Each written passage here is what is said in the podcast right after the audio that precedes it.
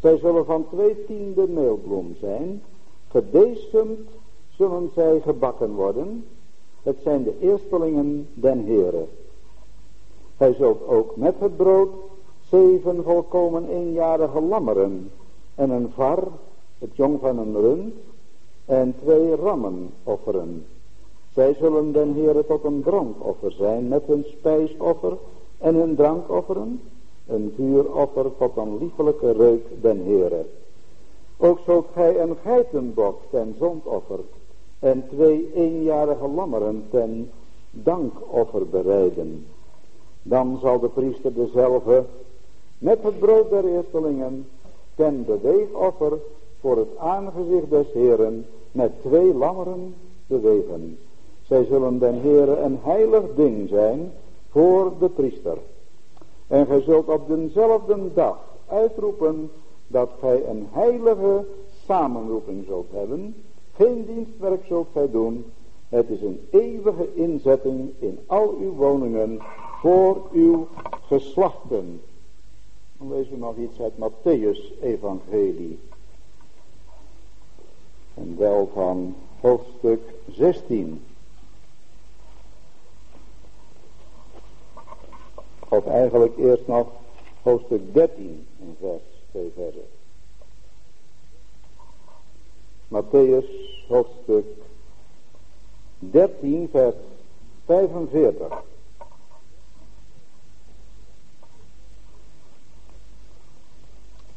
Het koninkrijk der hemelen is ook gelijk aan een koopman die schone parels zoekt. En toen hij ene parel van grote waarde gevonden had, ging hij heen en verkocht alles wat hij had en kocht haar. Hoofdstuk 16.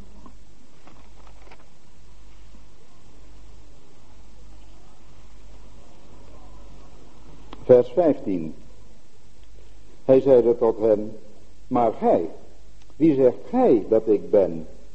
En Simon Petrus antwoordde en zei, gij zijt de Christus, de Zoon van de levende God. En Jezus antwoordde en zei tot hem, wel gelukzalig zijt gij, Simon, Bar Jona, want vlees en bloed heeft u dat niet geopenbaard, maar mijn Vader, die in de hemelen is. En ook ik, ik zeg u, dat gij zijt Petrus, en op deze rots zal ik mijn gemeente bouwen. En de poorten van de hel of het dodenrijk zullen haar niet overweldigen. Tot zover.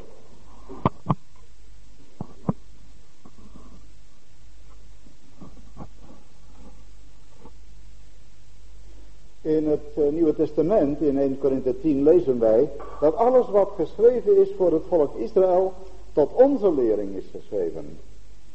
De dienst die de Joden hadden, in de woestijn bijvoorbeeld en ook later, de tempeldienst in het volk, in het land Israël, dat is alles om ons eigenlijk te laten zien wat de gedachten van God zijn.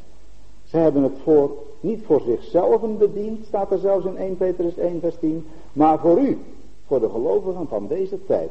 Dus die symbolen, die beelden van het Oude Testament, die wijzen allen op de Heer Jezus en alles wat met hem in verbinding staat. De Heer Jezus, de Zoon van God, is het middelpunt. Die is voor God de Vader de persoon die alle eer toekomt. Omdat hij zichzelf aan het kruis gegeven heeft. Zich heeft laten slachten. En op grond daarvan is alle heil. In hemel en op aarde. Er is geen heil. Er is geen genade buiten de Heer Jezus om. Alles wat God doet is op grond van het verzoenend werk van zijn veelgeliefde zoon. Nu hebben wij enkele gedachten al gehoord over Leviticus 23, namelijk over de zeven hoogtijden of de zeven feesten des Heren. En we vinden in die feesten eigenlijk symbolisch en profetisch een overzicht van de gedachten van God. In de eerste plaats was dat natuurlijk voor het volk Israël. Die vieren het paascha, daar begint het mee. En we weten, we hebben dat gezien, dat was het feest ter herinnering aan de bevrijding uit Egypte. God had toen in die vreselijke nacht, God had gezegd, iedere oudste zoon van het volk van Egypte zal sterven deze nacht. En dat hadden de Joden even goed verdiend. Die waren niet beter, die waren ook zondaars. Maar toen had God een middel gegeven tot redding. Namelijk, als zij een lam zouden slachten en dat bloed zouden strijken aan de uh, zijposten en aan de bovendorpel, dan had God gezegd, als ik het bloed zie, dan zal ik u lieden voorbij gaan. En toen heeft God in die nacht de oudste zonen in het volk van Egypte gedoopt. Van de zoon van de koning Farao tot de zoon van de armste bedelaar toe. Dat was een groot geschrei. Een vreselijk rauw geklaag in Egypte. En toen heeft Farao gezegd, loop maar, ga maar weg, ik wil je niet langer zien. Dat heeft God zo gewild, omdat hij ze wilde bevrijden uit de slavernij van Egypte.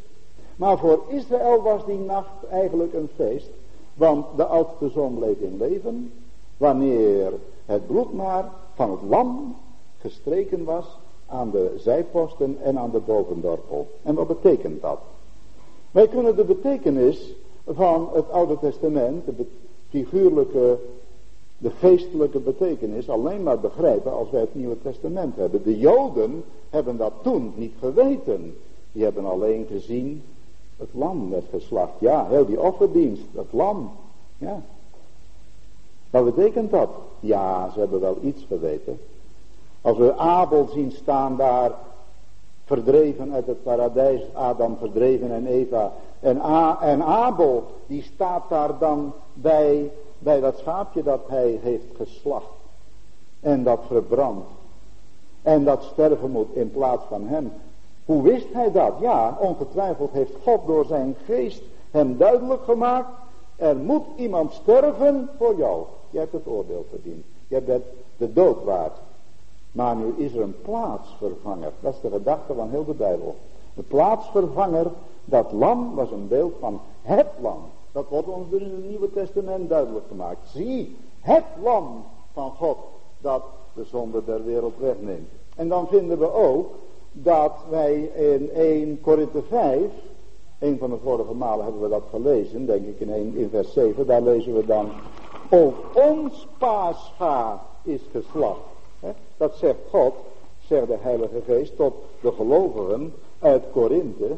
En dat betekent dat er ook nu een paascha is. We hebben toen gehoord dat het paascha betekent, het woord paascha betekent voorbijgang. Het oordeel van God ging voorbij. Waardoor? Door het bloed van het lam. En zo is nu nog. Als iemand, ook hier in ons midden, weet, ik ben een zondaar. Ik heb het oordeel van God verdiend. Net zoals in die nacht de verderver ging voorbij, de verderfengel. En s'nachts om twaalf uur zou de oudste zoon sterven. Maar als het lam geslacht was, dan bleef hij in leven. En zo is het nu met ons ook. Ieder van ons die hier is en die gelooft in het dierbaar bloed van Christus. Die erkent, ik ben verloren. Ik heb het oordeel van God verdiend. Niet alle mensen hebben gezondigd, dus ik zal ook wel gezondigd hebben. Nee, als je goed nadenkt in het licht van God over je leven, dan durft er niks van. Dan ben je één en al zonde. En ook je gedachten en je daden en je woorden, alles is voor God eigenlijk zonde in je leven, totdat je op de knieën gaat. Dan zeg je, oh God, wees mij zondaar genadig. En dan wijst God op de Heer Jezus. En dan mag je weten, zijn bloed is ook gestort voor mijn schuld. We hebben de tweede keer vooral gedacht aan de zekerheid. Toen we hier waren. Dat je niet alleen dan weet, mag geloven, het lam is geslacht. Hij heeft het werk volbracht op het kruis. Maar ik kan dat voor mijzelf persoonlijk zeker weten. Hoe kan dat? Als je schuilt achter het bloed. En als je gelooft dat het waar is wat God zegt. Als je gelooft dat het waar is als God zegt. Zie ik het bloed, dan gaat het oordeel voorbij. We hebben toen Johannes 5 gelezen, vers 24. Wie mijn woord hoort en gelooft hem die mij gezonden heeft, die heeft het eeuwige leven. En wat staat er dan achter? En komt niet in het oordeel. Komt niet in het oordeel. Maar is uit de dood overgegaan in het leven. Dus als je gelooft in de Heer Jezus. Dan is het niet alleen dat je dan voor het oordeel van God komt en vrijgesproken wordt. Maar je komt niet in het oordeel. Het oordeel heeft plaatsgevonden over mij en over ieder die gelooft in de Heer Jezus. Wanneer is het oordeel voltrokken over mij, over iedere gelovige? Daar op dat kruis. Daar heeft hij gehangen, van God verlaten in de helse smarten. En God straft niet tweemaal. Iemand die staat achter de Heer Jezus, die schuilt achter zijn bloed, is voor eeuwig vrij. En dat is een wonderlijke, heerlijke gedachte.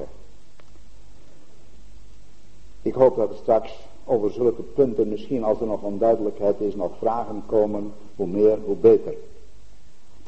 Dan hebben we gezien dus, dat eerste is, ons paascha is geslacht, zo laat ons dan feest vieren. En wat betekende dat?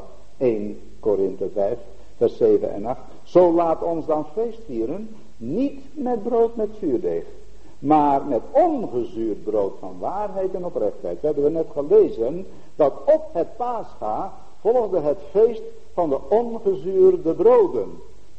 Zuurdeeg is altijd in de Bijbel een beeld van kwaad. En dat hebben we de vorige keer bewezen met verschillende teksten uit Gods woord. Hoeft nu niet, denk ik. Maar dat is dus als het paas van geslacht is. En als we mogen weten, God zij gedankt. Ik heb vergeving van zonden. Ben door genade een kind van God. Dan krijg je na dat paascha, dat duurt maar één dag. De Heer Jezus is eenmaal gestorven. En dat is voor alle eeuwigheid voldoende. Maar dan krijg je een feest van zeven dagen. En dat is een langere tijd. En dat betekent zeven, weet u waarschijnlijk wel, dat is in de Bijbel het getal van de volmaaktheid. En dat zeven, dat betekent een volmaakte tijd. Zeven dagen, dat is een volkomen afgesloten tijd. En symbolisch voor ons betekent dat het, ons hele leven. Na onze bekering, dan begint het leven eigenlijk pas. En dan mogen wij een tijd hebben van onverzuurde broden. Dat betekent een leven waar geen bedrog in is. Geen hoogmoed, geen onreinheid. Dat is door Gods genade mogelijk. Niet dat wij altijd dat de zonde struikelen zal gaan. Hebben we ook vorige keer overdacht. Gaat misschien met vallen en opstaan. Maar wij hebben, als wij de Heer Jezus kennen, de kracht om te leven door het geloof.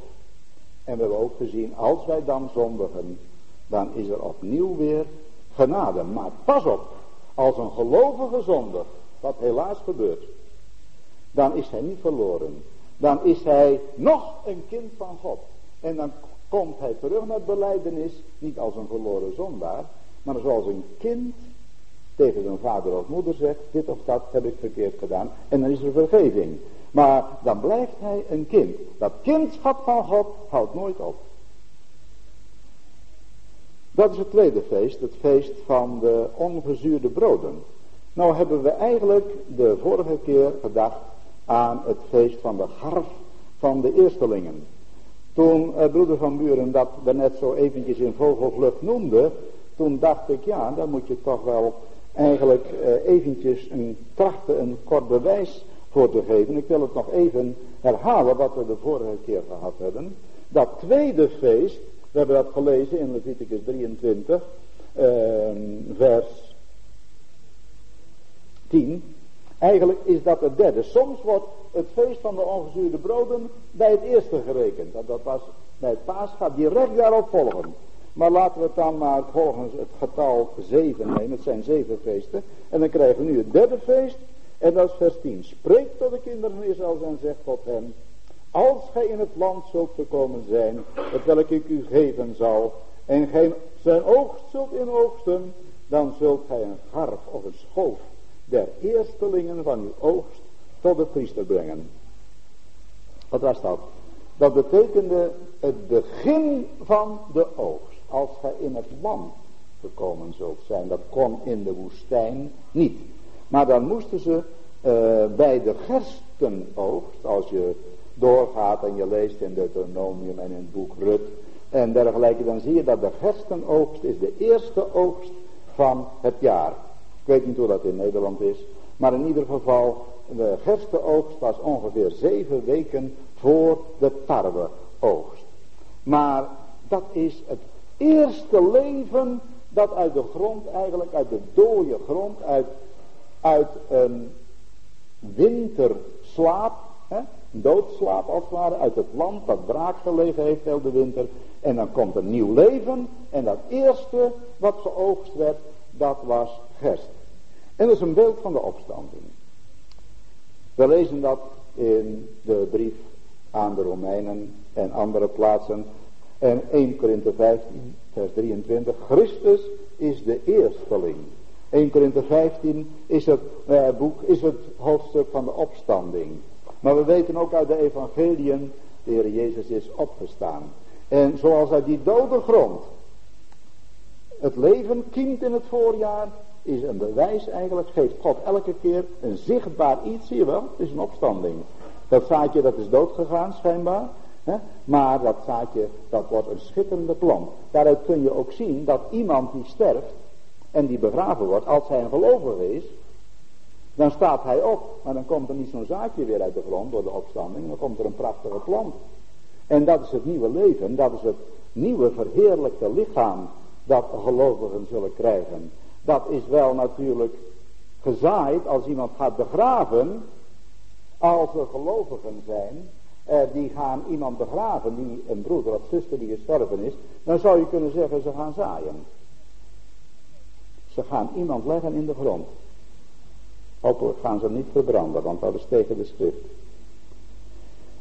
Dat werd in het Oude Testament werd dat gedaan door heidense volkeren en door afgodische mensen. Dat wordt nu helaas weer gedaan, maar dat is natuurlijk niet goed. God wil dat lichaam als het ware weer laten ontkiemen. Niet dat het zo is dat iemand die zich verbrandt laat en zijn stof laat uitstrooien over de zee, eh, dat hij dan minder opstaat, want die atomen van dat lichaam zijn er toch even goed nog. God weet precies waar die atomen zitten. Hè? Net zo goed als dat je een waterketel, een ketel met water laat verdampen. Dan zijn al die atomen er heus nog wel en God weet precies waar ze zitten. Dus voor God maakt het geen verschil. Maar het is wel zo dat er de gedachte is, zaaien, opstaan. En dat is de eersteling. De eersteling Christus.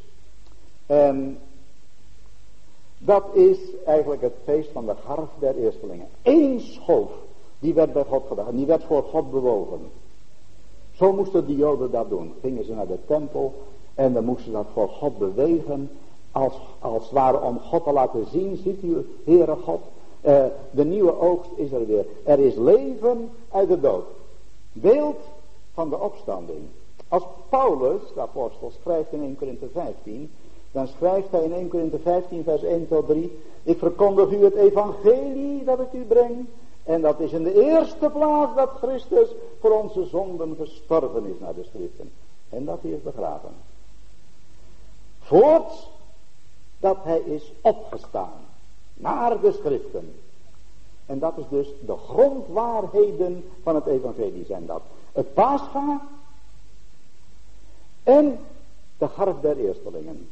Het paascha, de dood van Christus. De bron van alle zegen, de oorzaak van alle heil.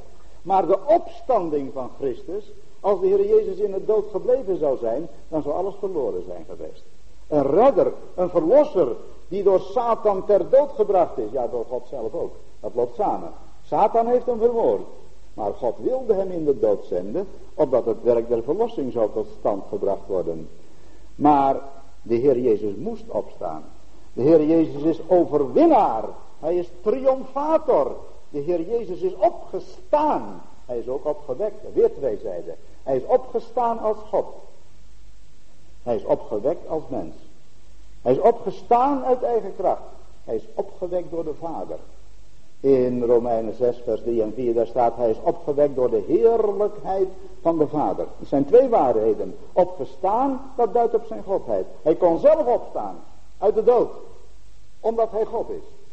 Maar hij werd opgewekt door de Vader. Dat zijn twee dingen. En zo zien wij daar in de garf der eerstelingen. En dat is de heerlijke waarheid, broeders en zusters, gelovigen, vrienden. Dat is de Heer Jezus leeft. Er is een lied dat zegt, Jezus leeft, hij overwon. Wie kan ooit zijn roem verkonden? Al wat mij verschrikken kon, ligt in Jezus graf verslonden. Ja, hij leeft. Ik sterf niet meer, want mijn leven is de Heer. Broeders en zusters, dat is eigenlijk het leven van de gelovigen. De Heer Jezus die leeft. Die verheerlijkt is aan Gods rechterhand. De levende Heer. Die leeft in de harten van de zijnen. Een lied dat zegt, hij vraagt mij hoe ik weet, hij leeft, hij leeft, leeft in mijn hart. Dus eigenlijk is de eerste zuil van het christelijk leven, dat is de dood. En dat is met ieder gelovige ook zo.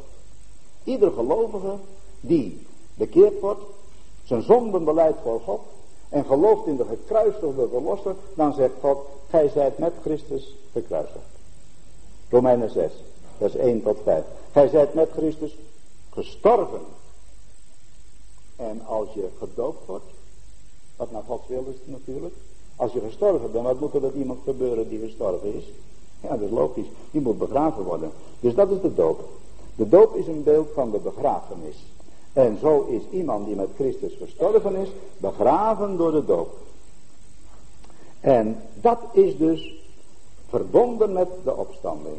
Want dan, opdat gelijk Christus gestorven is, ook wij zouden wandelen in nieuwheid des levens. Wij hebben het leven uit God en wij zijn verbonden, wij zijn innig verbonden met de opgestane heiland. Voelen wij dat alles? Het is zo rijk, het leven van de christen. Het is geen hoogmoed. Het is juist hoogmoed als je het niet aanvaardt.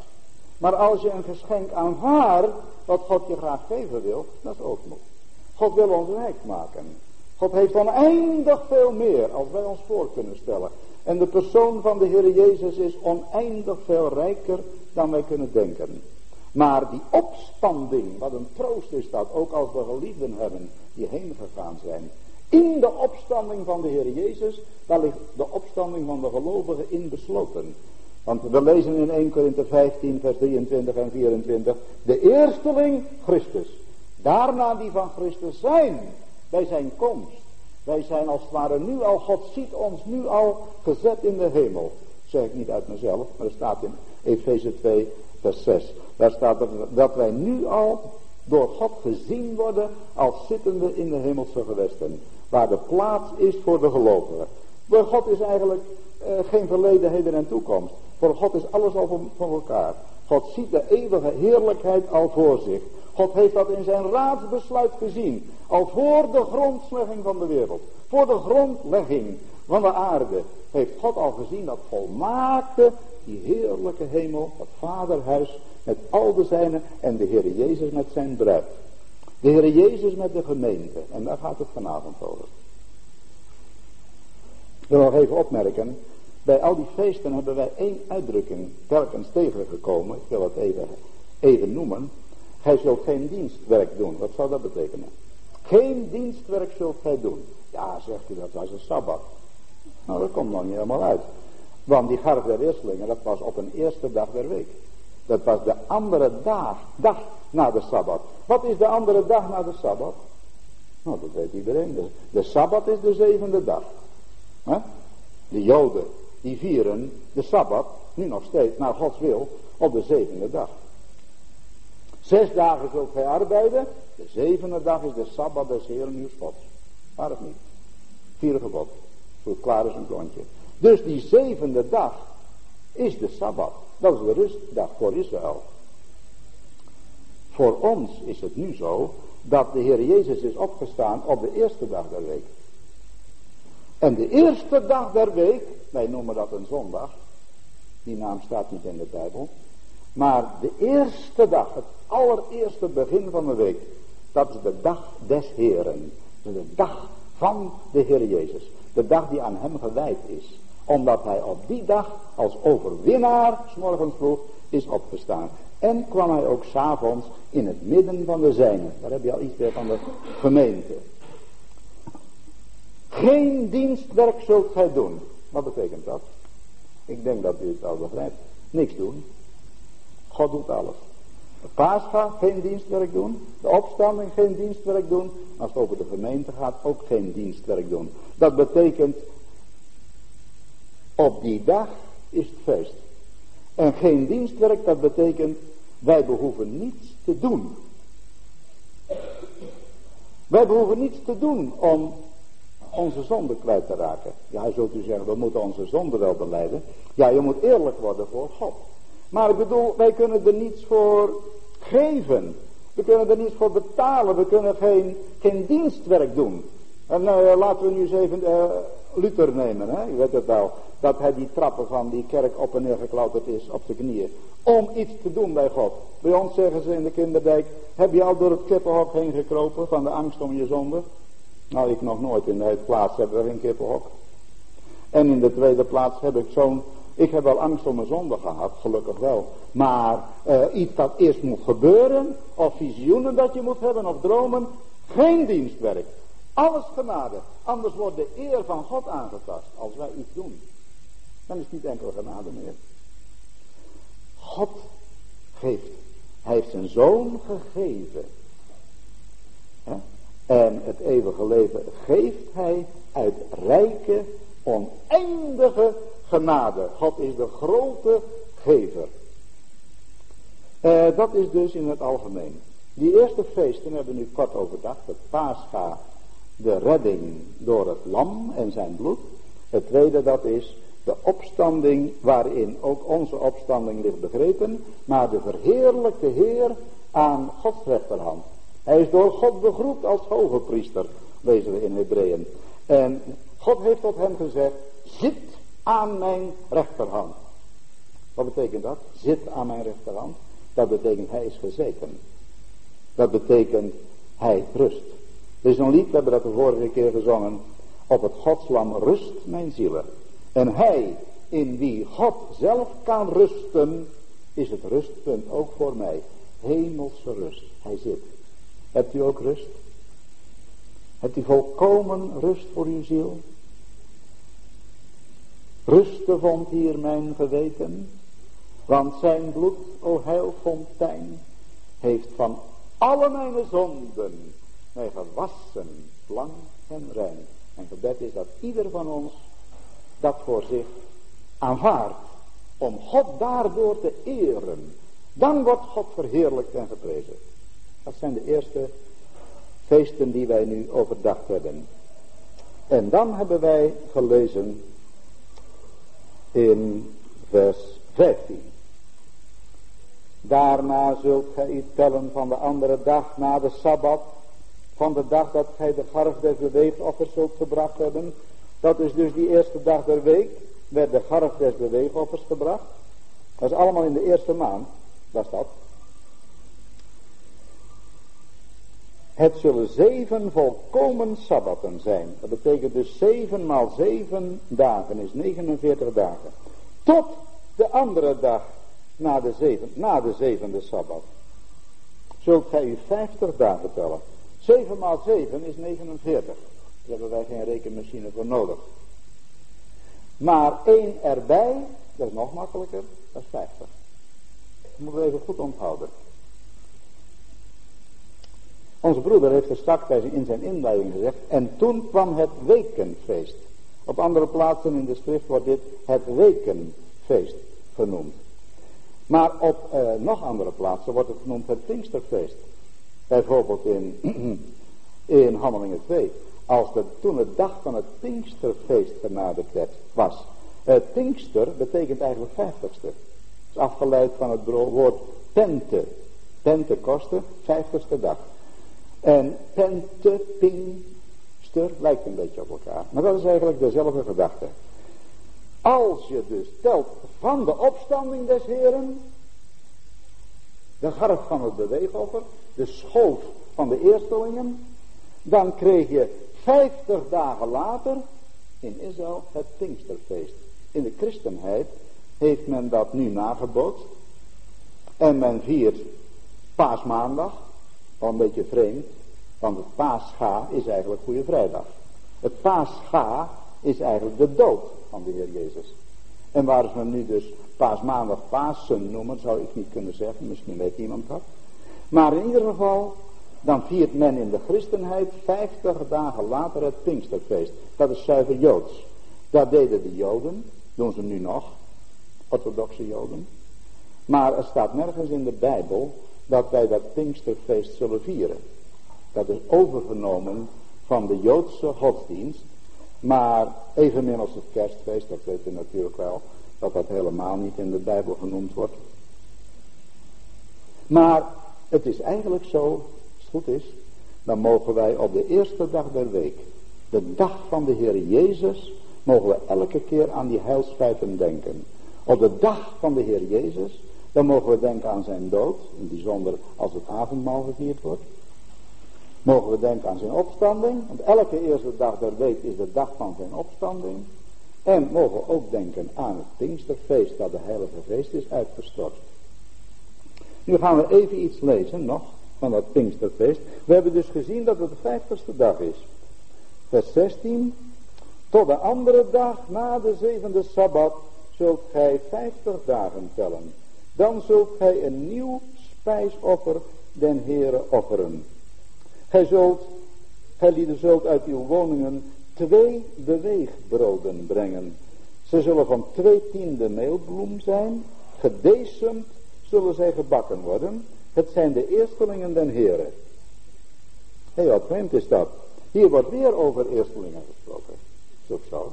Dat waren de eerstelingen van de tarweoogst. Ik heb u daar straks al gezegd. Uh, de gerstenoogst was het begin van de oogsttijd. En de tarweoogst was het laatste. Na zeven weken. Er ging een periode van zeven weken overheen. En daarom wordt hier, wordt weer genoemd, een nieuw spijsoffer als eerstelingen. Zij zullen, vers 17, het zijn aan het eind van vers 17, het zijn de eerstelingen den Heren. Die garf was de eersteling. En hier meervoud, de eerstelingen. De garf van het beweegoffer op de opstandingsdag, Christus. De Heer Jezus zegt, ik ben het tarwegraan dat in de aarde valt en sterft. Als het niet in de aarde valt en sterft, brengt het geen vrucht voort. Johannes 12. Daar verklaart de Heer Jezus dat hij dat is, dat graan dat in de aarde gevallen is. Maar hier zijn het degenen die eerstelingen zijn, met hem verbonden. Dat zijn de resultaten van het werk van de Heer Jezus. En dat ziet u op de Pinksterdag. Dat ziet u bij de uitstorting van de Heilige Geest. Daar ziet u dat op die bewuste dag, na 50 dagen, na zijn opstanding, dat de Heilige Geest wordt uitgestort. En wat lezen we dan in 1 Korinthe 12 vers 13? Wij zijn allen door één geest tot één lichaam gedoopt. Dat is de uitstorting van de Heilige Geest. Toen de Heilige Geest uitgestort is, uh, toen zijn er op één dag 3000 bekeerd. We lezen dat duidelijk in Handelingen 3. Later groeide dat getal tot 5000. En later wordt er gezegd een grote schare priesters werd bekeerd. Enzovoort. Toen zijn er duizenden, om niet te zeggen van honderdduizenden. Men denkt zelfs wel onder de prediking van Paulus miljoenen tot bekering te komen. Maar die allen vormen die gemeente. Die allen vormen degenen die als de vruchten van het werk van de Heer Jezus met hem verbonden zijn. En broeders en zusters, geliefde vrienden, dit is een van de heerlijkste onderwerpen uit de Bijbel. Als je dat goed begrijpt, wat de gemeente is. En dat is hier voorgesteld door twee beweegbroden. Van die tarwe, die werd gemalen, en er werden hier twee broden gebakken. Waarom? Ik denk dat dit voorstelt de twee delen waaruit de gemeente van Christus bestaat, namelijk uit Joden en heidenen. Maar hebt u het opgemerkt dat er staat gedecemd, wij zouden zeggen gegist, zullen zij gegeten worden. En dat is heel merkwaardig. Ik heb u daar straks gezegd op grond van de schrift, het zuurdecem is een beeld van iets wat verzuurt. Iets wat bederf is. Waardoor het brood dan ook rijst. Een beeld van boosheid en slechtheid en hoogmoed. In de schrift. Op alle plaatsen in heel de Bijbel. Daarom mogen bijvoorbeeld in Leviticus 2 bij het spijsoffer. Wat tot verheerlijking van God opgeofferd werd. Wat we ook hier vinden. De spijsoffers. Een beeld van de Heer Jezus in zijn leven. In tegenstelling tot de vuuroffers die verbrand werden op het altaar. Maar was, dat is de dood van de Heer Jezus. Maar het spijsoffer dat betekent zijn leven. Dat hij in zijn leven op aarde God verheerlijkt heeft. Dat spijsoffer bestond uit meelbloem. Maar bij dat spijsoffer, dat voorstelt de persoon van de Heer Jezus, er staat er heel nadrukkelijk bij in Leviticus 2, geen zuurdeeg zal in het spijsoffer gedaan worden. Dat mocht niet. Dat betekende de Heer Jezus was geheel, rein, heilig voor God. Moest wel zout bij. Colossense vindt u wat dat betekent. En er moest ook olie bij. Een beeld van de heilige geest. Dat is de Heer Jezus. Dat was het spijsoffer. Geen zuurdesem. Waarom hier wel zuurdesem? Dat is de gemeente. Dat is de enige keer, zover ik weet, dat zuurdesem in de schrift genoemd wordt als iets dat verkeerd is en toch als een offer voor God gedacht kan worden. Die broden zullen als beweegbroden aan God geofferd worden. Net zuurdesem. Dat betekent, geloof ik, dat de gemeente, degene die met de Heer Jezus als de opgestane Heer verbonden zijn, die zijn in zichzelf niet rein. In zichzelf is er een onreine kern in. Ieder mens, niet waar? De beste gelovige, die heeft het vlees nog in zich, of niet? Dat merken we helaas maar al te dikwijls. De zonde, die woont nog in de gelovige. Een gelovige is gestorven, hij hoeft niet te zondigen, als hij maar zegt ik ben dood. Maar helaas doen we dat niet altijd. Dus, maar dan, dus daarom is er nog iets in de gelovige, dat straks bij de heerlijkheid, als we naar de hemel gaan, weggegaan, weggaan zal. Uit, dan zal het sterfelijke door het leven verslonden worden. Maar dat is een beeld daarvan. En daarom heb ik ook gelezen uit Matthäus 13, vers 45 en 46. Daar hebben we gelezen van die kostbare parel. Hebt u daar wel eens over nagedacht wat dat betekent? Die koopman die schone parelen zoekt. Er wordt wel eens gezegd, die koopman dat is een mens. Een zondaar. En die parel is de Heer Jezus. En een zondaar moet die parel kopen. Maar ik geloof niet dat dat juist is. Ik geloof dat de juistere uitleg is dat die koopman is de Heer Jezus. Die is rijk. Een mens is niet rijk. Een mens kan niet veel kopen van God. Dat kan je mens wel kopen. Een mens is een, is een vijand van God. Hij is een zondaar. Wat heeft de mens om te kopen? Alleen zijn zonde maar. Maar die koopman, die rijke koopman, is de Heer Jezus. En die heeft alles verkocht wat hij had om die ene parel te bezitten. En dat is de gemeente. En die is voor de Heer Jezus meer waard dan alle schatten van de wereld. En nou zal ik u even nog uitleggen, dat zullen sommigen van ons wel weten, hoe een parel eigenlijk ontstaat. Een parel die zit in een schelp van een pareloester. En dat is een schelp van ongeveer 10 à 13 centimeter. En daar zit een dier in. Een soort mossel, maar dan een oester. En die zitten op de bodem van de zee. Hier in Nederland niet. Maar in India, bij Ceylon en bij Australië. Soms 20 meter, 30 meter diep. Bij het strand van de zee. En dan gaan die parelduikers, die dalen af. En die zwemmen heel diep met levensgevaar. Soms vanwege de haaien. En ook vanwege het gevaarlijke om zo diep onder water te zwemmen. Maar dan halen ze soms zo'n schelp naar boven. En dan kan het gebeuren, niet altijd. Maar als die schelp geopend wordt, dat dier moet sterven. Dat daar dan een schitterende parel ligt. Maar hoe is die ontstaan?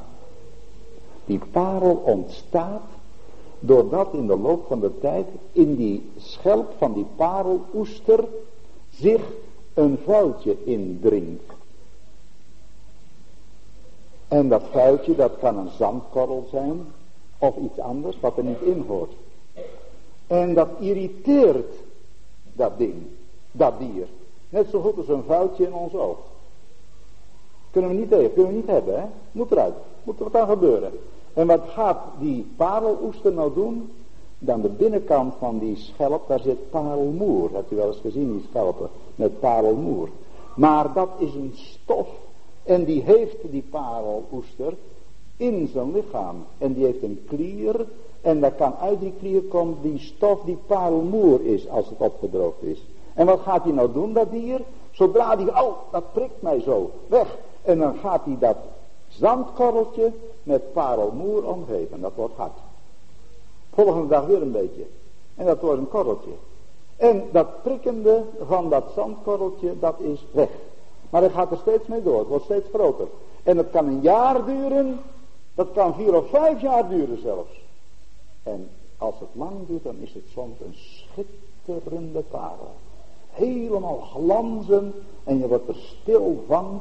De schoonheid van een parel met zijn zeven kleuren van de regenboog. In een stille hemelse glans. Die schoonheid is onbeschrijfelijk. Eigenlijk het mooiste wat er op aarde bestaat. Soms nog meer waard dan, ja veel meer, duizenden malen meer waard dan goud natuurlijk. Maar ook soms meer waard dan diamant. Hoe komt dat? Omdat het een hemels iets is, een wonder van God. En nu vraag ik u, wat was nou de kern? Wat zit er nou midden in die wonderschone, onbetaalbare paden? Nou, u zegt het al, dat vuiltje. Ziet u, dat nou de gemeente. Dat is de gemeente. In zich is ze waardeloos. In zich zijn wij wegwerpelijk voor God. Maar we zijn bekleed met de heerlijkheid en de schoonheid van de Heer Jezus. Wilt u dat goed vasthouden? God ziet de gelovigen als volmaakt in Christus. Colossense 2 vers 10. Hij zijt in hem volmaakt. Ja, maar dat is zo hoogmoedig. Het is de waarheid. Het werk van de Heer Jezus is volmaakt. En God ziet ons in Christus. En dan kunnen we alleen maar jubelen. Kunnen we alleen maar danken. O God, ik kan die genade van u niet begrijpen. Maar ik wil het aannemen. Ik wil het aanvaarden. En nu nog even deze opmerking. Wat denkt u? Als toen die koopman die ene mooiste parel gevonden had. En hij alles gegeven had wat hij had. En die parel, daar ging hij mee naar huis. Wat denkt u? Dat die gedachte, wat ben ik nou toch een arme jongen? Denkt u dat? Dacht u dat hij gedacht had, oh jongens, dan ben ik al mijn geld kwijt? Helemaal niet. Hij heeft gedacht, wat ben ik een geluksvogel. Ik heb die parel, de mooiste die er bestaat, onbeschrijfelijk. Nou heb ik de lust van mijn leven, nou heb ik mijn doel bereikt. Maar ik met eerbied zou zeggen, dat de Heer Jezus onbeschrijfelijk blij is dat hij ons heeft. Kunt u zich niet voorstellen, hè? Mag ik u vragen, wat heeft de Heer Jezus? Kunt u mij daar een antwoord op geven? Wat heeft de Zoon van God? Oh, die heeft de hemel. Die heeft alle schatten van de hemel. Die heeft de engelen ook nog. Duizenden en miljoenen. Ja. Wat moet u nou eens vergelijken met iemand die erg rijk is en die een mooi huis heeft. Met de mooiste meubels en hij heeft ook nog knechten. En nou komt er iemand en dat is zijn bruid. Want dat is de gemeente. De gemeente is de bruid van het lam. Om eeuwig met hem verbonden te zijn. Weet u nog van Adam? Weet u het nog? In Genesis 2. Wat zei Adam? Het is mooi, al die beesten. Het is mooi, die schepping. Maar ik ben maar alleen, hè. Maar alleen. Ik vind geen hulp tegenover mij. Aan mij gelijk. En dat is nou het verlangen wat Adam had. Dat had de Heer Jezus ook. De Heer Jezus, mag ik het u zo zeggen, wil iemand hebben aan wie hij zijn liefde kwijt kan. Kan hij niet aan de engelen. Denkt u dat een directeur met zijn, met zijn, met zijn knechten gaat spreken over zijn liefde? Dat doet hij in zijn gezin. Maar de Heer Jezus, die wil iemand hebben die de geheimen van zijn hart en van zijn liefde verstaat. En hij heeft aan ons, aan de gelovigen, de wijsheid gegeven, inzicht door de Heilige Geest. Want de engelen hebben geen Heilige Geest. Maar de gelovigen hebben de Heilige Geest ontvangen. En daardoor hebben ze contact, gemeenschap met de Heer Jezus. Mogen ze nu al rusten in zijn liefde. Zoals Johannes eens rustte aan het hart van de heiland. Broeders en zusters, het is groot wat ik u zeggen mag deze avond. Maar het is het heerlijkste wat er bestaat. Die parel is het geluk van de Heer Jezus. De vreugde van de Zoon van God tot in alle eeuwigheid. Wij, één met hem. Mag ik nog verder gaan? Ik fantaseer niet. Efeze 1 het laatste vers. Wij zijn de volheid van Christus. Of anders gezegd, de Heer Jezus is zonder de bruid niet volmaakt. Wij zijn zijn heerlijkheid, zijn vreugde, zijn glans, zijn glorie. In 1 Thessalonica 1, daar staat, hij zal verheerlijkt worden in zijn heiligen. Als wij verschijnen zullen met hem, dan zullen de, de Heer Jezus bewonderd worden, waardoor, als ze ons zien. Begrijpt u dat? Dan zullen ze zeggen, wat een bruid.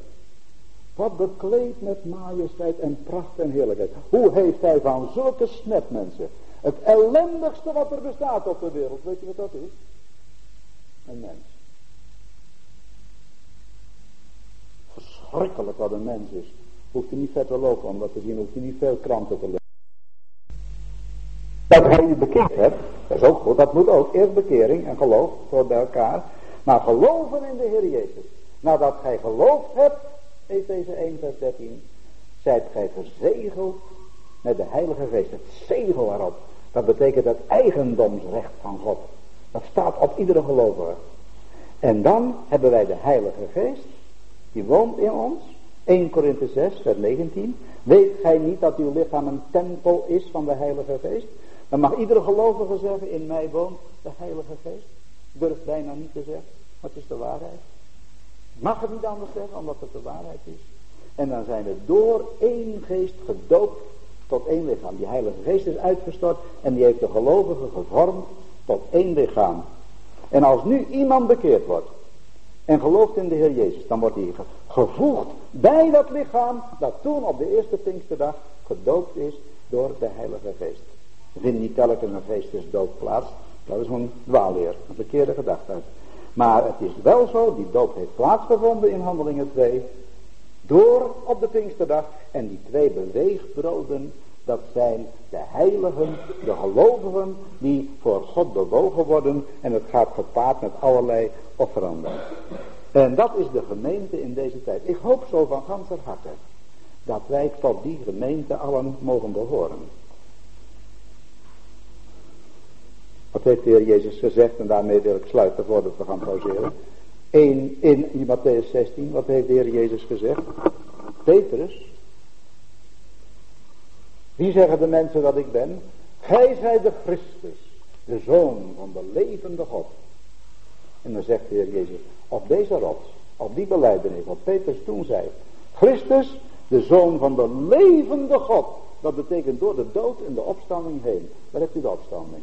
En daar op deze rots zal ik mijn gemeente bouwen. Ziet u nou de hart der eerstelingen en de beweegbroden, wat die bij elkaar horen? Op deze rots, de levende God die opstaat uit de dood, wordt de gemeente van de Heer Jezus gebouwd. En dan zegt de Heer Jezus, zal ik mijn gemeente bouwen? Toen stond hij in het noorden van het land Israël. En toen zei hij, terwijl hij op aarde was, ik zal bouwen. Dat betekent dat de gemeente toen nog niet bestond. Er zijn wel eens gelovigen die zeggen de gemeente van de eerste die bekeerd wordt, van Adam af, tot de laatste. Dat is niet waar. De gemeente is begonnen bij de uitstorting van de Heilige Geest op de Pinksterdag, de vijftigste dag. En die zal van de aarde weggenomen worden bij de komst des Heren. En dat is een heerlijke waarheid. Oud-testamentische gelovigen Ook gered door het werk van Christus. Ook voor eeuwig gelukzalig. Maar die zijn de gasten. De gasten van de bruiloft van het land. Maar de bruiloft, dat is de Heer Jezus en zijn bruid. Dat zijn de gelovigen van deze tijd. Het hoe en waarom daarvan kunnen we misschien nog wel meer over zeggen straks als er nog tijd is. Maar het is een wonder van de onbegrijpelijke liefde van God. Van de heerlijkheid van de persoon van de Heer Jezus. En om het te zeggen met de woorden van de geloofsbeleidenis, de catechismus, dan mogen we zeggen, de gemeente, dat zijn alle ware Christgelovigen. Iemand die werkelijk in de Heer Jezus Christus gelooft. En dan kan het helaas zijn dat hij uh, aan die kerk of aan die groep of aan die richting behoort. Dat is jammer, dat hoort niet zo te zijn. Er hoort één eenheid te zijn, dat bereiken we nooit meer op aarde. De gemeente is helaas verdeeld. Maar als er opgenomen wordt, dan zullen we zien dat het één geheel is. Die schoonheid, die eenheid, wordt op aarde niet meer bereikt. Maar in de heerlijkheid, dan zullen we alle één zijn, rondom hem en eeuwig hem danken en verheerlijken.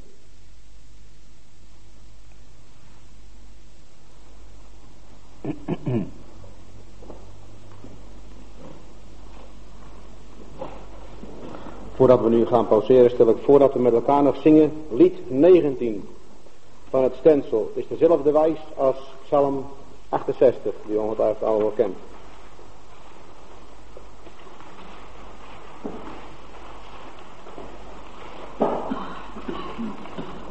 mm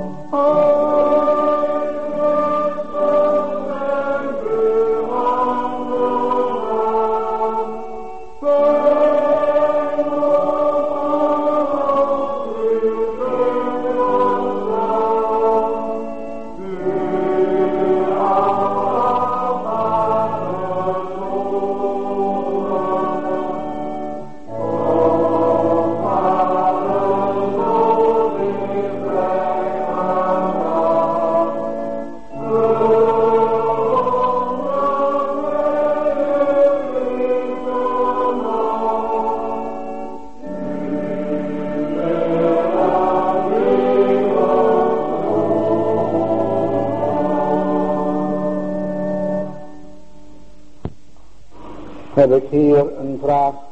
Hoe zit het met het oordeel? Dat is voorafgaand dan beter, dacht ik. Hoe zit het met het oordeel? Is er het niet meer voor ons? Met andere woorden, zijn wij daar niet aanwezig? Of begrijp ik dat verkeerd? U mag ook gewoon een paar teksten noemen enzovoort. Uh, wat ik aangehaald heb, wil ik dan nog herhalen. Johannes 5, vers 24. Ik ken die tekst uit mijn hoofd toevallig. En dat is, iedereen kan het nalezen. Wie mijn woord hoort en gelooft hem die mij gezonden heeft, die heeft het eeuwige leven en komt niet in het oordeel, maar is uit de dood overgegaan in het leven. Ik dacht vroeger altijd als jonge zijnde, jongens jongens, als ik nou maar voor het oordeel van God kom en als ik dan maar vrijgesproken word, dan bof ik naar God, dan zegt God, nou, jij hoeft niet naar de hel, ga jij maar naar de hemel. Maar dat is helemaal niet waar. Want iemand die komt voor het gelovigen, gelovigen, spreek over gelovigen, die worden met de Heer Jezus opgewekt. Eh, als hij komt, dan worden de gelovigen opgewekt. En degenen die nog leven, die worden veranderd. Lees maar 1 Korinther 15, vers 51 tot 54. 1 Thessalonica 4, vers 13 tot 18, noteert u die versen maar alleen. Daar ziet u, als de Heer Jezus komt, dan worden de gelovigen veranderd. Filippenzen 3, vers 20 en 21. Ons vernederd lichaam zal veranderd worden tot gelijkvormigheid aan het lichaam zijner heerlijkheid. En we zullen zo opgenomen worden, den Heere tegemoet in de lucht. En al dus zullen we altijd met den Heere wezen. Vertroost elkaar dan met deze woorden. Wij worden dan opgenomen in de hemel.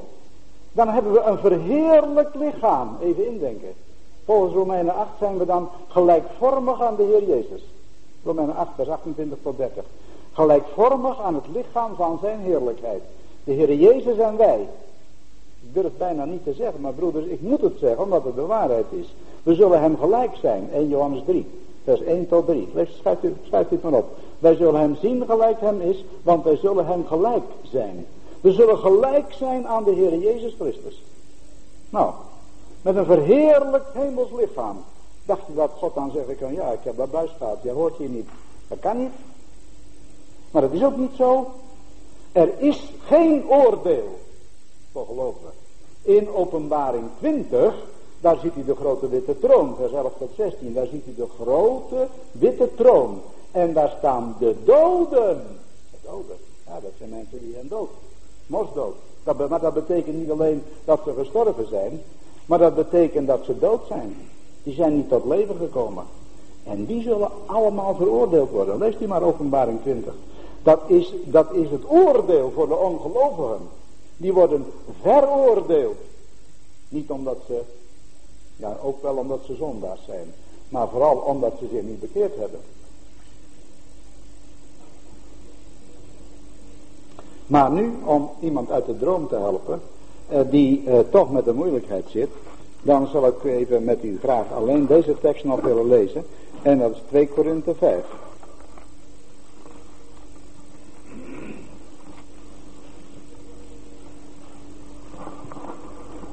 Want er is natuurlijk hier iemand die, ja, maar we krijgen toch meer of minder beloning. Er zal toch wel een soort, een soort uh, verantwoording zijn. En de Heer zal toch zeggen, wel, gij goede en getrouwe slaaf.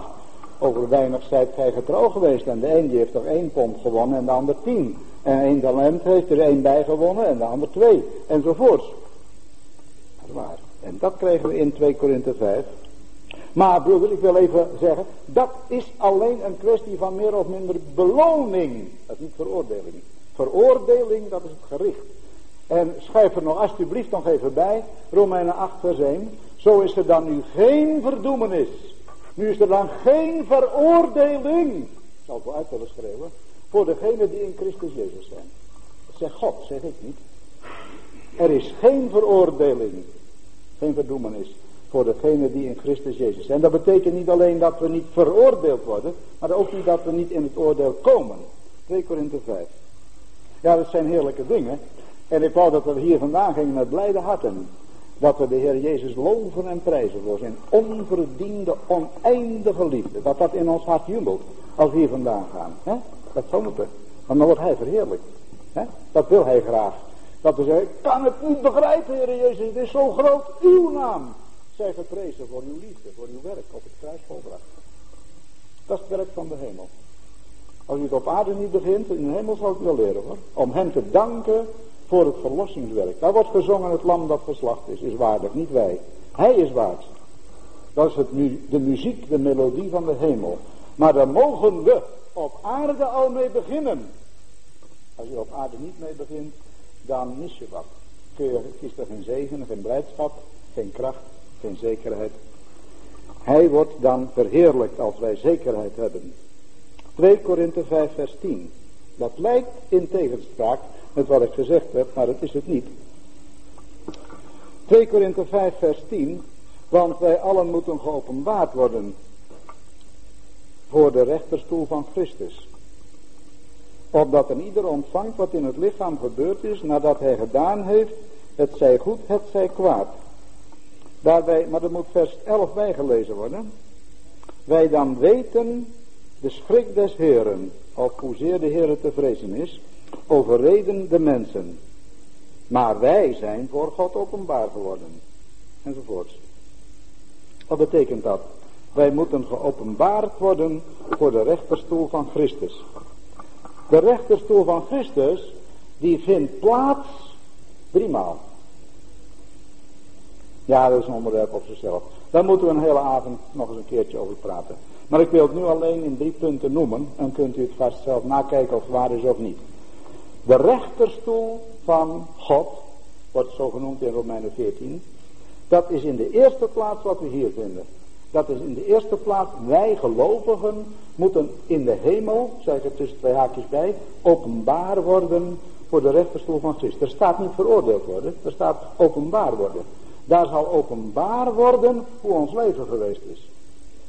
Daar zal gezien worden wie u geweest bent na uw bekering. Na uw bekering. Want voor uw bekering, dat is verdwenen.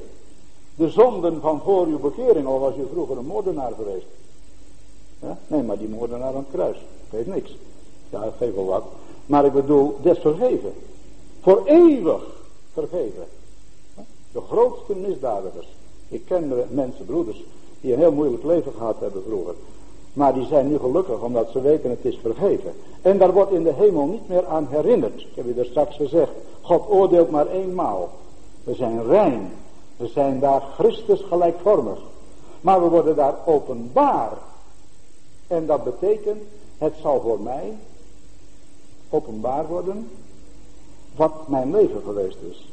Ik ben nu, als ik u iets van mezelf mag vertellen, in het algemeen, dat geldt voor iedere gelovige. Ik zeg nu het woordje ik, maar daar bedoel ik eigenlijk iedere gelovige mee. Die is wel eens erg benieuwd hoe zijn leven eigenlijk is. Ben u dan niet benieuwd? Denkt u wel eens, jongens, het is niet veel soeps in mijn leven? Denkt u dat wel eens? Denkt u wel eens, nou bent u een kind van God. Maar denkt u wel eens, jongen, jongen, wat heb ik dikwijls de Heer Jezus bedoeld? Hebt u dat wel eens? Ik wel. Kijk, maar ben je wel eens tot zegen geweest, zonder dat je het gemerkt hebt misschien. Als je iemand eh, vriendelijk iets gezegd hebt of iemand een traktaat gegeven heeft, dat kan tot eeuwige zegen zijn. En de Heer zal daar openbaar maken wat ons leven voor hem waard is. En het zal uitlopen tot zijn verheerlijking. Want het kwade is al geoordeeld toen hij stierf op het kruis. En voor het goede worden we alleen maar beloond. Het zij goed, het zij kwaad. Maar dat kwaad dat geldt voor ongelovigen. Daarom, wij weten de schrik des Heeren. De gelovigen worden daar alleen voor minder of meer goed beloond. Ik denk eens bij mezelf, dat zal dan verschrikkelijk weinig zijn, dat goede. Maar het goede dat er zal geweest zijn in ons leven, dat zal nog uitlopen tot zijn verheerlijking. Want het goede wat we gedaan hebben, dat is niet van ons. Dat heeft hij ons gegeven. Er is niets goeds bij onszelf. Als er iets goeds in het leven van een gelovige is, is het enkel genade. Dat hebben we van hem gekregen. Dus de lof en de verheerlijking, die komt uiteindelijk alleen aan de Heer Jezus toe. En onze kronen zullen we zelfs werpen aan zijn voeten. Want hij is het waard, niet wij. Dat is het openbaar worden voor de rechterstoel van Christus. Dat staat in verbinding met Matthäus 25, vanaf vers 14, van die slaven, die een beloning kregen. En in Lucas staat ook van die tien ponden. Dat is dus een beloning meer of minder. En dat is enkel genade. De rechterstoel van Christus, de eerste keer is die in de hemel. Zodra de gelovigen opgenomen zijn in heerlijkheid. Kan elke dag gebeuren. En dat is niet op aarde, maar in de hemel. En daar staan alleen gelovigen voor. Tweede punt. Dat is Matthäus 25, vers 31 enzovoorts. Kunt u thuis allemaal nalezen. Matthäus 25, ik heb dit al meer behandeld en daardoor weet ik het uit mijn hoofd. Daar staat de rechterstoel van de Heer Jezus op aarde. Ja, ja, hoe kan dat nou? Nou, dat kan. En wanneer zal dat wezen? Dat is een ander tijdperk, een tijdpunt. Dat is als de gemeente al een tijd in de hemel is. Dan komt op aarde de oordelen en aan het eind van de oordeelstijdperk grote verdrukking. Dan komt de Heer Jezus uit de hemel met de gemeente. Die zal hem vergezellen. Altijd bij hem zijn. En dan zullen wij met hem oordelen. Ja, is wat. We zullen met hem heersen ook nog. Kunt u het begrijpen? Ik niet. We praten de mensen veel over heersen hè, tegenwoordig. Regering, ja dat is moeilijk. Maar een geloven die wacht maar. Wij zullen straks heersen, dan komt onze tijd. Maar dat is op aarde. En dan staat er. En de volken werden voor hem vergaderd. zijn geen gelovigen. Dat zijn niet de heiligen in de hemel. Dat zijn de volken op aarde. Als hij gekomen is op de olijfberg enzovoort. Dan zal op aarde een gedeelte zal ingaan in het koninkrijk op aarde. Hij gezegende mijn vaders beërft het koninkrijk. En de anderen zullen verloren gaan. Gaat gij in het vuur. Dat is een oordeel dat op aarde uitgesproken wordt. Niet in de hemel, maar op aarde. En niet voor gelovigen, maar voor levende volkeren. Er zijn natuurlijk tientallen bewijzen die ik aan kan voeren uit de profeten van het Oude Testament en uit het Nieuwe Testament. Die staven wat ik nu zeg, maar het is nu in vogelvlucht. Derde maal, dat heb ik u al genoemd, dat is het oordeel voor de grote witte troon. Waar staat de grote witte troon? U? Die staat nergens. Of liever gezegd, is natuurlijk onzin. Maar er staat in openbaring 20, de aarde en de hemel vloden weg. En dan zie je die grote witte troon. Dat is helemaal aan het einde. Vlak voordat de nieuwe schepping gemaakt wordt. Vlak voor de eeuwige toestand. Dat is dus driemaal oordeel. Maar de eerste keer is het geen oordeel, maar is het een openbaar worden. En dat geldt voor gelovigen. En broeders, laten we maar niet bang zijn. Ik ben wel eens bang geweest voor die uh, openbaarwording voor de troon van de Heer Jezus. Maar hij is zo vriendelijk en hij is zo oneindig geduldig. En het resultaat van de openbaarwording zal zijn dat er maar één lof is, wat bent u goed, Heer Jezus. En dan zullen we ook zien waar hij ons voor bewaard heeft. Langs afgronden zijn we gegaan. Ik wel. Dat hij ons niet losgelaten heeft. Oneindige liefde. Dat is het resultaat van het openbaar worden. Dus onthouden, gelovigen komen niet in het oordeel. Dat is een korte samenvatting van de toekomst van de oordeelstijdperk. Nou, hier wordt bij deze vraag nog. Ik ben me nooit bewust geweest van dat verschil tussen geest, gasten en bruid. Even nog nalezen in, in openbaring 19.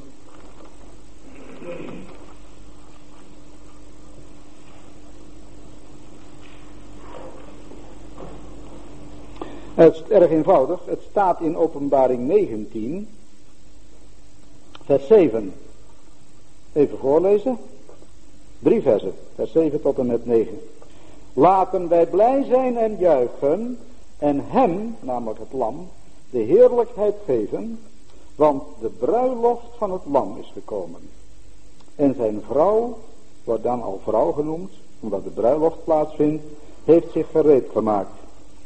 En die bruid, dat is dus de gemeente. Dat zijn de gelovigen van deze tijd. Ik kom er dadelijk nog verder op terug. En haar is gegeven bekleed te zijn met blinkend, rein, fijn linnen of lijnwaad. Want het fijne linnen zijn de gerechtigheden van de heiligen. En hij zei tot mij, schrijf, welgelukzalig zij die geroepen zijn tot de maaltijd van de bruiloft van het lam. En hij zeide tot mij, dit zijn de waarachtige woorden van God. Nu, even indenken, een bruiloft, hebben we allemaal wel eens meegemaakt. Wat is het middelpunt van de bruiloft? Bruidegom en bruid. Ik zeg expres, niet bruid en bruidegom, dat zeggen de mensen. Maar Gods woord zegt bruidegom en bruid. De Heer Jezus is de hoofdpersoon. Hij is alles. En die bruid, ja, die is wel aan hem gelijk. In heerlijkheid, maar hij blijft God. De Heer Jezus blijft altijd, er blijft altijd een oneindige afstand. Als God. Maar als mens is hij de bruidegom. Kunnen wij niet scheiden van elkaar, hoeft ook niet. Maar het is wel waar, zijn godheid kunnen wij nooit delen. Maar in zijn menselijke heerlijkheid als verheerlijkte mens zullen wij delen. En dan zullen wij aan zijn zijde zitten. Dan heb je een bruiloft en daar zit het bruidspaar. En al die anderen zijn gasten. Nou, die gasten hebben het ook goed. Reken erop dat die lekker kunnen eten daar. symbolisch gezien. Maar die gasten is niet de bruid, dat is iets heel anders. En als we nog vinden in 1 Korinthe 15, die van Christus zijn als de Heer Jezus wederkomt, wie zullen er dan opgewekt en meegenomen worden? Alle heiligen. Vanaf de eerste die bekeerd geworden is. En ook David en noem maar op, Jezaja. Maar die zijn geen kinderen van God. En die horen niet bij de bruid. Maar dat kan ik nog even bewijzen. De bruid, dat is de gelovigen van deze tijd. En ja, dat, dat antwoord daarop kom ik nog verder op terug. Maar die gasten, dat zijn degenen die wel in de heerlijkheid zullen zijn, maar niet de bruid van het lam zullen wezen. En omdat ze gelijk opgenomen worden, als de Heer Jezus komt, dan worden alle oud-testamentische heiligen ook opgenomen. En daarom eh, geloof ik, en er zijn onmiskenbare tekenen voor, dat dat dus de andere heiligen zijn die ook een heerlijke toekomst tegemoet zullen gaan, maar niet de bruid zullen zijn. Dat is wel logisch eigenlijk, hè. In verbinding met de parel was de gemeente bij de Heer Jezus bekend. Oh, de vraag is dus, de parel, was de gemeente bij de Heer Jezus bekend? Met een vraagteken. Het geheimenis is toch pas via Paulus bekendgemaakt. Ja, natuurlijk. Dat is heel belangrijk dat we dat laatste even vasthouden. En dat wil ik toch eventjes op, opslaan ook met u in Efeze 3. Want dat is een heel belangrijke waarheid. En daaruit kunt u zien uit Efeze 3 dat de gemeente juist in deze tijd bij de uitstorting van de Heilige Geest pas begonnen is. Of eigenlijk gezegd, die broeder, ik weet niet wie die vraag gesteld heeft, of die zuster, maar dat is iemand die weet er iets van. Want daar, eh, het is waar dat Paulus dit geheim bekendgemaakt heeft. Het is nooit bekend geweest van de gemeente voordat Paulus er was en voordat Paulus zijn dienst uitoefende.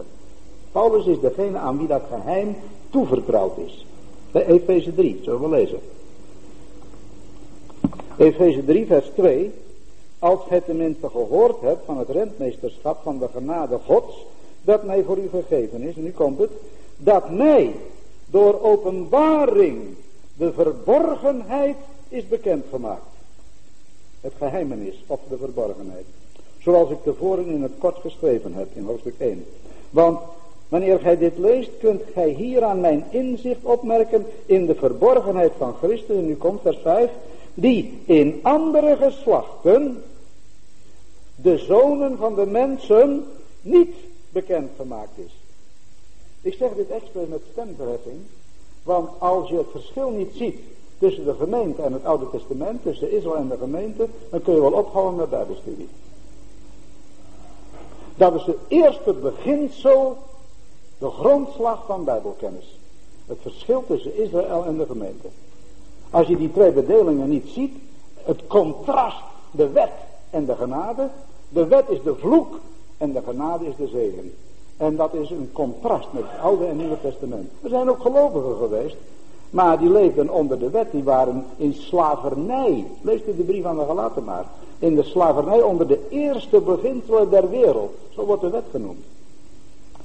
Maar nu leven wij in de tijd dat het bekend gemaakt is. En nu komt het in vers 6 dat zij uit de volken mede-erfgenamen zijn en mede-ingelijfden en mede-deelgenoten van zijn beloften. In het Oude Testament waren de volken ver. Denk je maar aan Jona. Die kreeg wel een boodschap, maar het was een uitzondering en Jona wilde niet eens. God had zijn wet gegeven en zijn woord aan de Joden en aan niemand anders. En dat is dus Oude Testament. Maar nu zijn de sluizen, nadat de Zoon van God vermoord is, als ik het zo zeggen mag, zijn de sluizen van de genade van God opengebroken. En de Heer Jezus heeft het gezegd, ik ben gezonden om u een blijde boodschap te vertellen. En dat is de tijd van de genade. En Paulus heeft, aan Paulus is dit geopenbaard, waarvan ik vers 7 een dienaar geworden ben, naar de, van die gemeente, van de verborgenheid, ben ik een dienaar, naar de gave van genade van God die mij gegeven is. Mij, vers 8, de geringste van alle heiligen, omdat hij de gelovigen vervolgd heeft, is deze genade gegeven om de onnaspeurlijke rijkdom van Christus onder de volken te verkondigen. Let u nog even goed op bij vers 9. En voor allen in het licht te stellen wat het rentmeesterschap is van de verborgenheid, die van alle eeuwen verborgen was in God.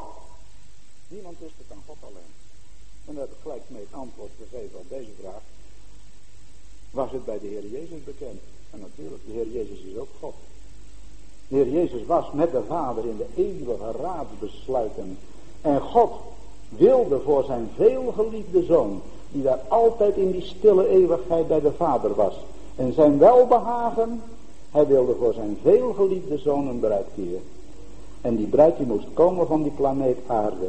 Van zondige mensen. Maar door het bloed van de Heer Jezus, door het paascha, zouden ze gereinigd worden van hun zonden en bekleed worden met Christus heerlijkheid. Dus hier hebt u, in hoofdstuk 3 hebt u twee dingen die hier gevraagd worden. Natuurlijk was het bij de Heer Jezus bekend, omdat alle geheimen en raadsbesluiten van de Vader en de Zoon zijn, door de Heilige Geest.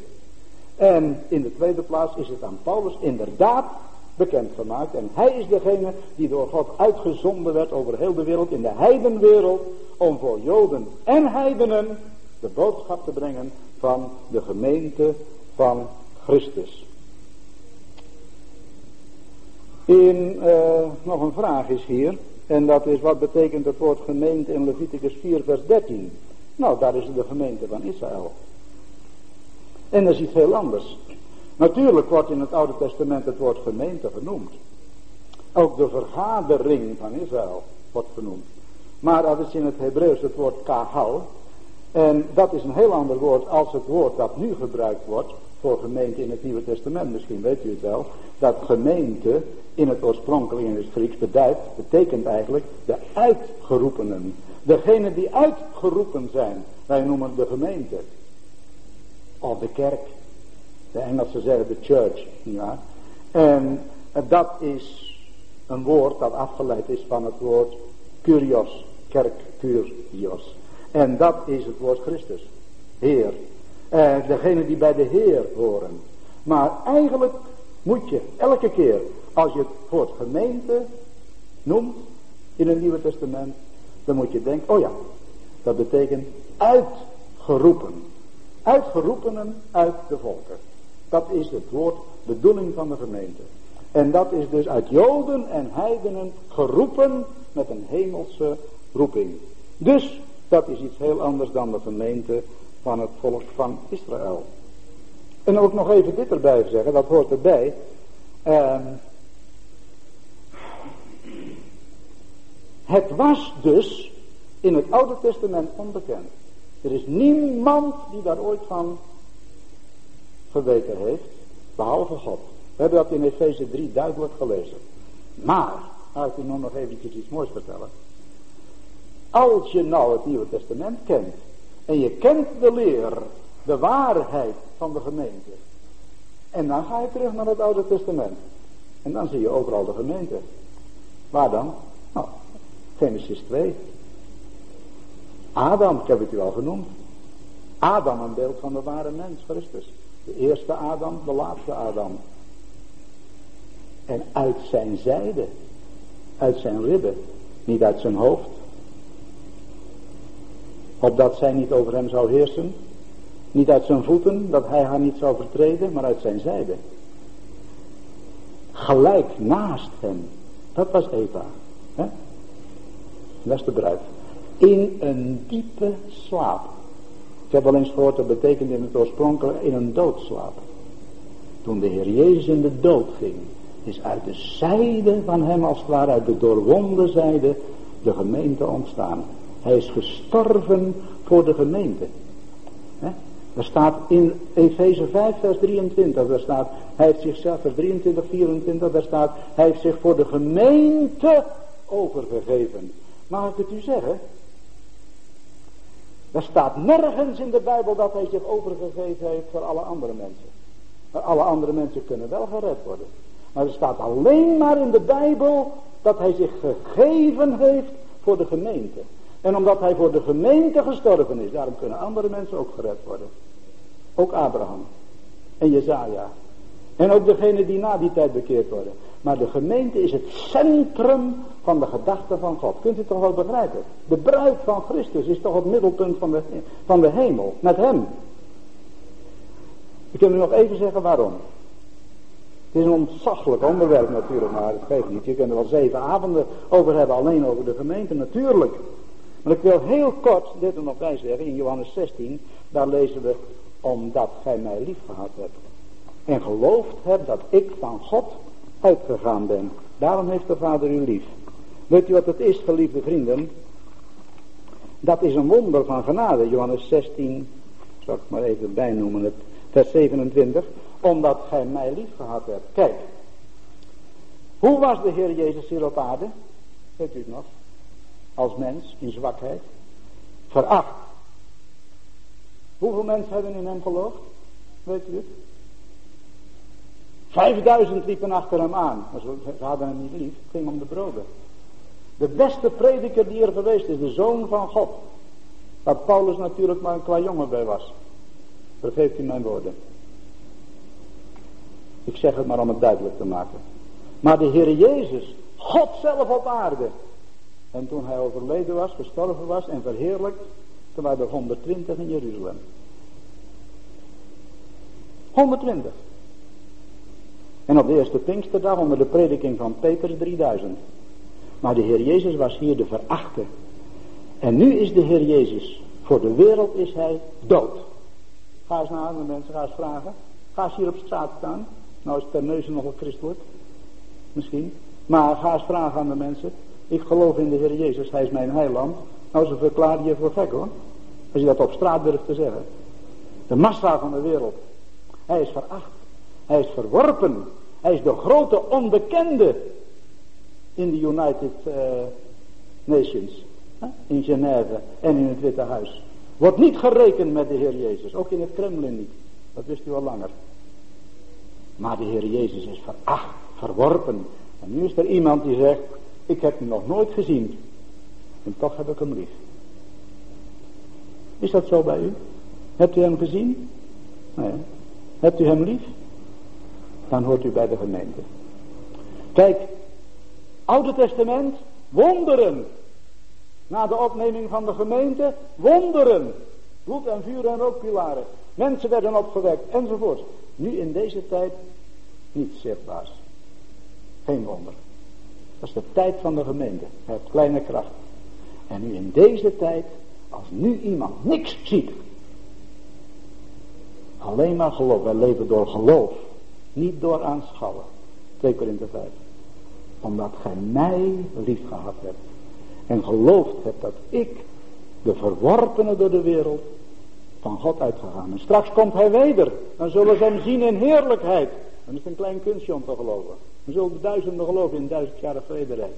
Dan zullen ontelbare scharen bekeerd worden. Maar die horen niet bij de gemeente. Kunt u het nou begrijpen? Omdat wij in de tijd van vervolging lezen. U moet Efeze 3 eens goed lezen. Het eerste vers, het middelste vers en het eerste vers van het volgende hoofdstuk. Ik, Paulus, de gevangene in den Heere. Het gaat telkens over gevangenschap. Gaat telkens over vervolging. Hebt u het gelezen in een alfa? Een vervolging staat ons te wachten. En weet u waar die vervolging vandaan komt? Niet van Rusland. Die komt van de ecumene. Die komt van de zogenaamde kerken in de wereld die zich aaneen zullen sluiten in een massale macht tegenover de Heer Jezus Christus. Daar gaat het nu heen. En dat ligt vlakbij op de loer het ogenblik. Heel dichtbij. Wij, als wij misschien ons afzonderen van een grote gemeenschap waar, waar predikers zijn die de Heer Jezus niet kennen. Of die zijn woord verkrachten. Of aan bijbelkritiek doen. Dan worden wij verklaard als tegen de staat. Weet u dat? Zo is het vroeger in het Oude Testament geweest. Zo is het in Rusland nu. Die mensen zijn tegen de staat. Wij ook. En dat is de Heer Jezus liefhebben. En dat is bij de gemeente horen. Wonder van zijn liefde en genade.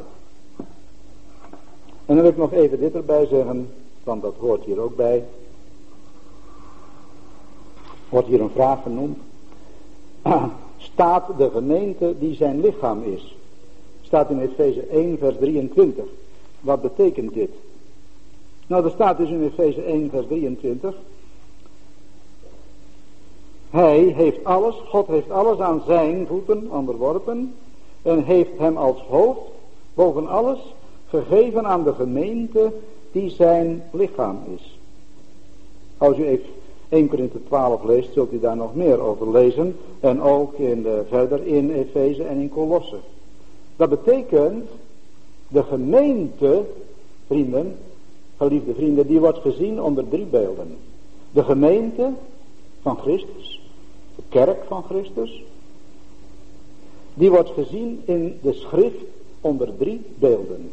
In de eerste plaats, laat ik hier dan maar mee beginnen, met een lichaam. De Heer Jezus is het hoofd en de gelovigen zijn zijn lichaam op aarde. Het verheerlijkte hoofd in de hemel, maar direct verbonden met zijn lichaam. Wat betekent dat? Dat betekent, het lichaam, dat betekent, het wordt gedirigeerd vanuit het hoofd en het heeft een levensgemeenschap met het hoofd. Of anders gezegd, ieder gelovige is een lid van het lichaam van Christus en als het goed is laat hij zich leiden door de Heer Jezus. En zo wordt op de geaarde in het lichaam van Christus alles uitgevoerd naar de gedachten van het hoofd. Als we ons door hem laten leiden. Dat is de eerste gedachte. Dat is een organisme. Tweede gedachte, dat is het huis. Het huis van God. De gemeente, leest u maar in 1 Timotheus 3 vers 15 en 16. Daar staat, opdat gij weet hoe gij verkeren moet in het huis van God het welk is de gemeente van de levende God. Dus het huis van God is de gemeente. Daar heb je een ander beeld. Wat is een huis? Een huis heeft niks met leven te maken. Maar in zoverre toch wel dat het levende stenen zijn. Maar een huis wordt gekenmerkt niet door een hoofd, maar door een fundament. De Heer Jezus is het fundament van de gemeente. We hebben gelezen in Matthäus 16. Op deze rots, de zoon van de levende God, zal ik mijn gemeente bouwen. En dat is een huis. Een huis heeft te doen met orde, hoe het ingericht is.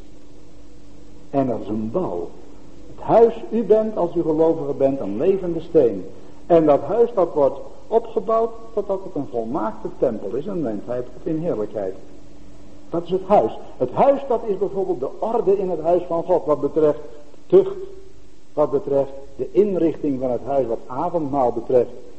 En de dienst die gedaan wordt daar. De dienst die de gelovigen innemen. Dat is het huis. Het tucht die uitgeoefend wordt. Die in het huis van God moet plaatsvinden. Maar het derde beeld. Eerste beeld is dus hoofd en lichaam. Tweede beeld is fundament en huis. En het derde dat is wat we eigenlijk al besproken hebben. Dat is bruidegom en bruid. En dat is niet een kwestie van orde. En ook niet een kwestie van levensverbinding. Dat is een kwestie van liefde. De bruidegom en de bruid is verbonden met zijn bruid door zijn liefde. En dat is oneindig schoon. En dat is, wij zijn één met hem. Zoals man en vrouw één zijn. Weet u wel, het hele huwelijk alleen maar gemaakt is door God om ons dat te laten begrijpen. Het huwelijk heeft God ingesteld. Natuurlijk ook wel omdat het zijn nut heeft.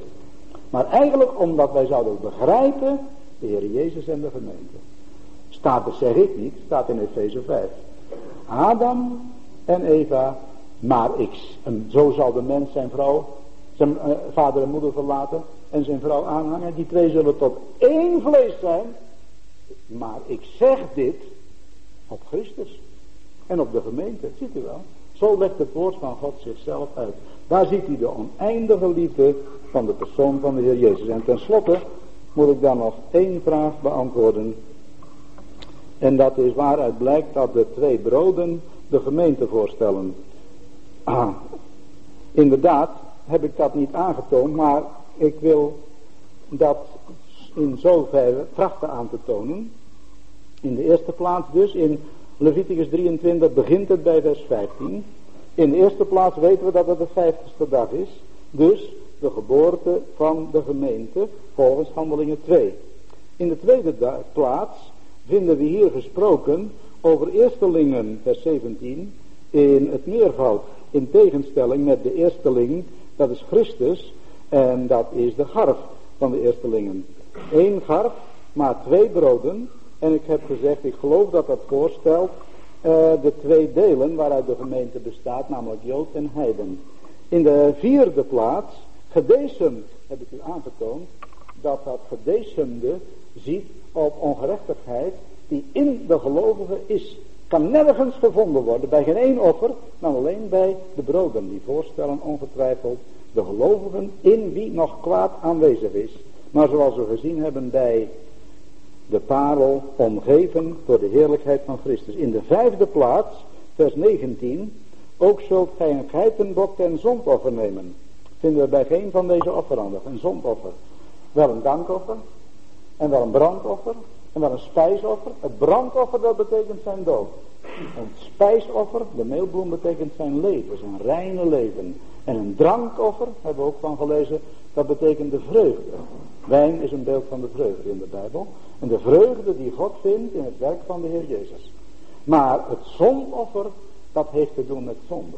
En dat is omdat bij de gelovigen zonde gevonden wordt. En daarom staat er als enige uitzondering hier dat het met een zondoffer te maken heeft.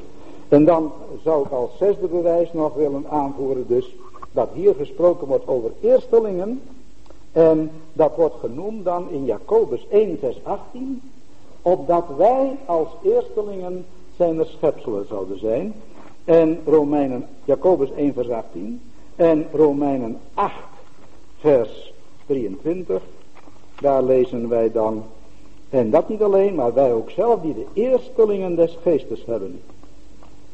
U weet misschien wel, nou, ik hoef niet te vragen, weet u natuurlijk wel, dat eerstelingen het begin van de oogst zijn. En wij zijn de eerstelingen. Weet u nou wanneer de oogst komt? Straks in het vrederijk. Dan komt de oogst. Maar wij zijn eerstelingen. Wij zijn, de eerstelingen hebben een bijzondere betekenis in de Bijbel. Die zijn zeer kostbaar en zeer waardevol voor de Heer. Dus dat zijn zo enkele bewijzen uh, waar ik denk dat er nog wel meer zijn. Deze schieten me zo in de gedachten. Dat enkele bewijzen voor het feit dat hier dus over de gemeente gesproken wordt. Als iemand nog mondeling iets te vragen heeft, is dat natuurlijk ook mogelijk. En ook is het nog mogelijk om straks even na te blijven, eventueel. We hebben nog geen haast.